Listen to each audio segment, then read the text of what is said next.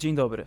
Witam Państwa w najnowszym spięciu. W dzisiejszym odcinku omówimy kwestię zwiększenia energetyki jądrowej Fra we Francji i w kraju kwitnącej wiśni. Serdecznie zapraszam. Ja nazywam się Jacek Perzyński, jestem redaktorem Business Alert. Na co dzień zajmuję się kwestiami energetycznymi, a przede wszystkim transformacją energetyczną w Chinach, Japonii i w krajach Azji.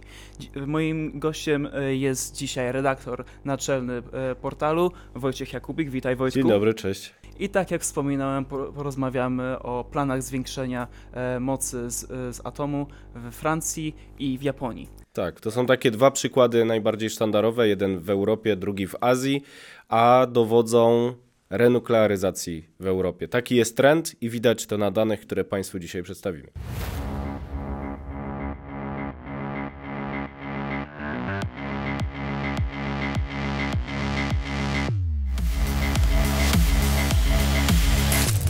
Należy również zaznaczyć, że 60-70% miksu e, we Francji pochodzi z, energii pochodzi z, e, z, energii jądrowej, e, ale również Japonia niedawno ogłosiła plany zwiększenia swoich mocy. I Wojtku, wyjaśnij mi, po co Paryż podjął taką decyzję, skoro tak, tak, du tak dużą część swojego miksu opiera właśnie na atomie. Tak. Y, y, Francja jest krajem najbardziej jądrowym w całej Unii Europejskiej od lat. To znaczy, nie mamy do czynienia z rewolucją, y, ale jednak z pewnym zwrotem akcji wynikającym z faktu, że jeszcze przed kryzysem energetycznym, przed inwazją Rosji na Ukrainę, były trendy w polityce francuskiej sugerujące, że teraz Francja już odłoży atom do lamusa, ten e, jądrowy renesans czasów e, Charlesa de Gaulle'a, poszukiwania suwerenności z użyciem energetyki oraz broni jądrowej, e, miał się kończyć przez to, że Francję zaleje teraz zielona fala energetyki odnawialnej. Nawet w kampanii Emmanuela Macrona wiele lat temu pojawiał się ten wątek energetyki zielonej jako nowej, którą będzie teraz Francja pełną parą wspierać. No ale kiedy Macron zasiadł już w Pałacu Elizejskim, zobaczył dokumenty, porozmawiał ze specjalistami, okazało się, że sam się stał lobbystą sektora jądrowego, ponieważ Francja ma duży problem ze swoim atomem. To znaczy on jest stary. Pamięta nierzadko czasy de Gaulle'a, czyli lata 60., 70. XX wieku, a flota reaktorów jądrowych nie pracuje w nieskończoność. Typowy reaktor pracuje około 80 lat, potem 20 lat trzeba go wygaszać. No i starą flotę trzeba zastępować zastępować nową. Natomiast kryzys energetyczny, inwazja Rosji na Ukrainę pokazały, że potrzebna jest stabilna energetyka pracująca w podstawie. Atom francuski ma coraz więcej problemów z tego względu właśnie, że jest stary, że wymaga napraw. Znowu w kryzysie energetycznym energetyka jądrowa we Francji nie dała tyle mocy, ile by mogła dać przez chroniczne usterki. Ktoś oczywiście będzie spekulował, czy tutaj nie było niewidzialnej ręki czyjejś, no ale może po prostu te reaktory są stare.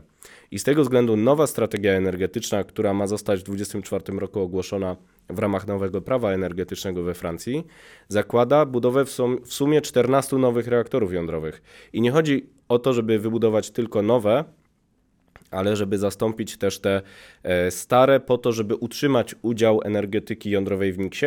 I uwaga, tutaj jest bardzo ważna deklaracja Francuzów. Oni to robią głównie w, dekla w deklaracji w celu ochrony klimatu.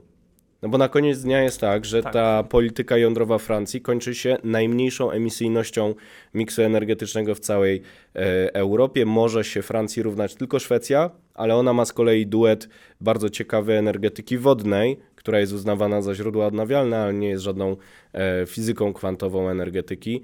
E, jest jej dużo ze względu na ukształtowanie E, geograficzne Szwecji, do tego oczywiście atom. Więc Francuzi chcą chronić klimat, inwestując jeszcze mocniej w energetykę jądrową i to jest ta ich wielka renuklearyzacja, element większego trendu europejskiego. Pytanie oczywiście, czy takie ambitne plany Francuzów nie będą skazane na opóźnienie. Musimy pamiętać, że francuski EDF, przedsiębiorstwo, które zajmuje się budową reaktorów, ma największe doświadczenie w tym segmencie w Europie, jednak główną bolączką e, tego, e, tego podmiotu jest wie, są wieloletnie opóźnienia. No i pytanie, czy ambitne plany będą, e, nie, nie złapią zadyszki.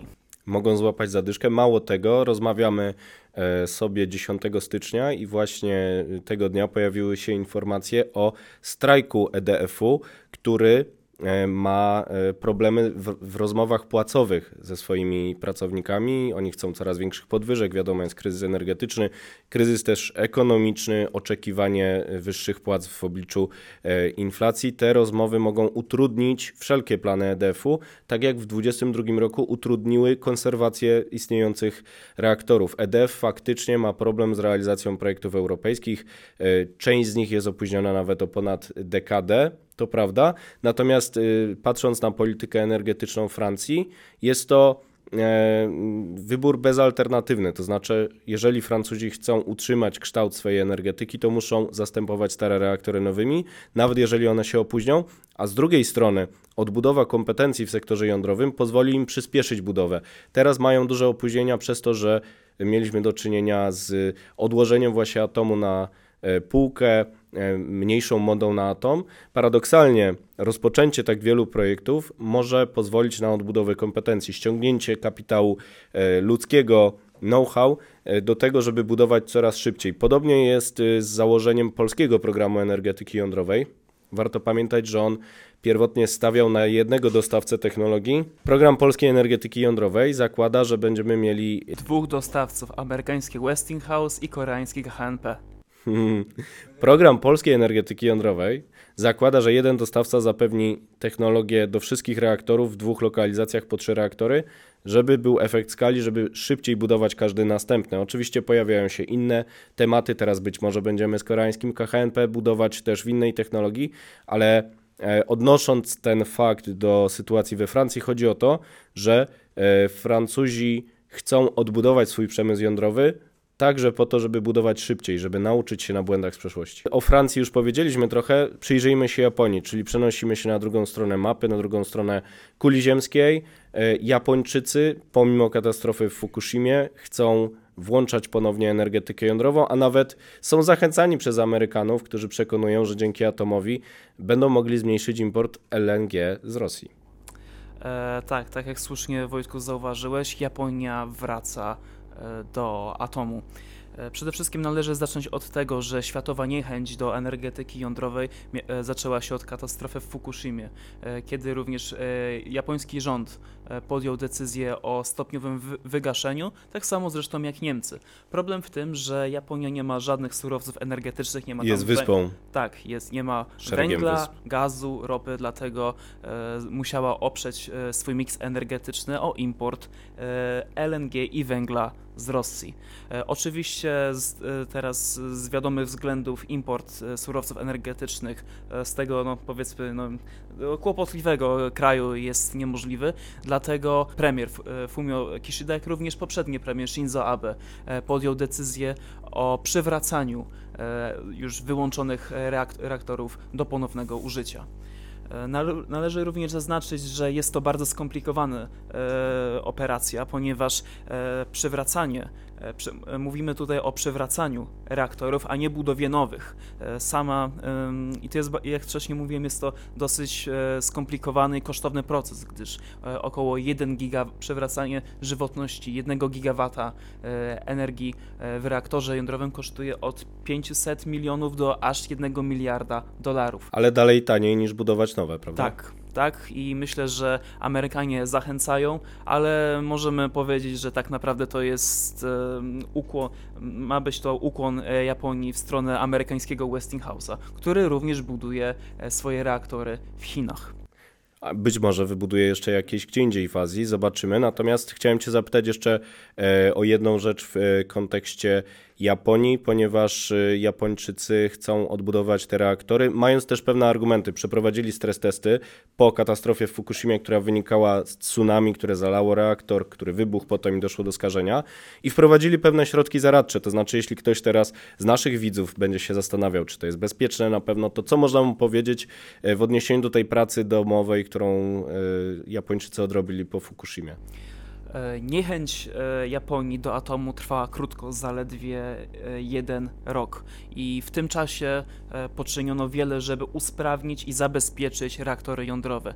Wszystkie elektrownie, które znajdują się na wybrzeżu, wokół nich ulepszono i usprawniono falochrony, a także, a także poczyniono wiele, aby systemy zasilania awaryjnego były bezpieczniejsze. Także japoński rząd deklaruje, że wszystkie reaktory jądrowe są bezpieczniejsze, więc katastrofa w Fukushimie nie powinna się powtórzyć. A do pracy rusza behemoth wśród reaktorów. Mamy tam elektrownię, y, która ma ponad 8 gigawatów mocy. 8,2. Dokładnie i nazywa się Kashiwazaki Kariwa. Tak. Byłem tam nawet y, w 2017 roku i Japończycy pokazywali te wszystkie nowe systemy zabezpieczeń, które mają nas chronić. Odnosząc to do sytuacji w Polsce, u nas nie ma fal tsunami. Na szczęście nie ma też takich trzęsień ziemi jak w Japonii, ale mamy trzęsienia ziemi polityczne, które od 30 lat hamują nam atom. Natomiast e, powiedzieliśmy w kilku zdaniach o tym trendzie renuklearyzacji, który jest widoczny po obu stronach globu. E, Sam, mówiąc tutaj już o mojej opinii, mam nadzieję na renuklearyzację albo po prostu nuklearyzację także w Polsce, która wpisze się w ten trend korzystny przecież z punktu widzenia bezpieczeństwa energetycznego. Co myślisz, Jacku? Też mam taką nadzieję. My jako Business Alert cały czas e, będziemy powtarzać, że e, transformacja energetyczna jest potrzebna. Niestety OZE bez e, skutecznych e, i wielkoskalowych magazynów, magazynów energii niestety e, są nieskuteczne, więc wystarczą. e, musimy niestety inwestować w drogi, ale jednak e, opłacalny atom. A może stety, zobaczymy, a będziemy na pewno ten temat poruszać y, na wszelkie możliwe sposoby w następnych spięciach, na które już teraz Państwa zapraszamy. Prosimy o polubienie naszego kanału, zapraszamy do dyskusji w komentarzach i do zobaczenia już za tydzień.